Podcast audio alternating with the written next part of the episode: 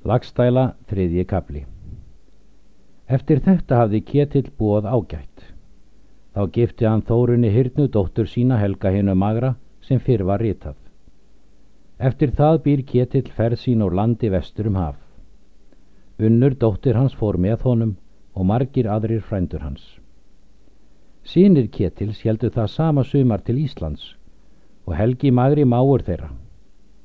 Björn Ketilsson kom skipi sínu vestur í Breiðafjörð og sildi inn eftir fyrðunum og nær hinnu síðra landinu, þar til er fjörður skarst inn í landið en fjallhátt stóð á nesunu fyrir innan fjörðin en ei lág skamt frá landinu. Björn segir að þeir myndi eiga þar dvöl nokkura. Björn gekk á land upp með nokkura menn og reikaði fram með sjónum. Var þar skamt í milli fjalls og fjöru. Honum þótti þar byggilegt. Þar fann Björn reknar öndvegisúlar sínar í einni vík. Þótti þeim þá ávísað um bústæðin. Síðan tók Björn sér þar land allt á millum stafár og hraunfjörðar og bjóð þar er síðan heitir í Bjarnarhöfn. Hann var kallar Björn hinn austræni. Hans kona var gjaflög dóttir kjallagsins gamla. Þeirra senir voru þeir óttar og kjallakur.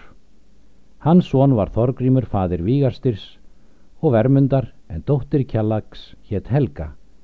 Hann átti vestar á Eyri, svon Þóróls blöðruskalla, er nam Eyri. Þeirra svon var Þorlákur fadir Steinþórs á Eyri.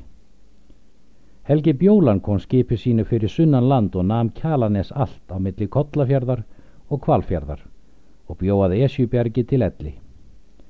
Helgi hinn magri kom skipi sínu fyrir norðan land og nam Eyjafjörð allan á milli Siglunes og Reynisnes og bjó í Kristnesi. Frá þeim Helga og Þórunni er komið eifyrðinga kyn.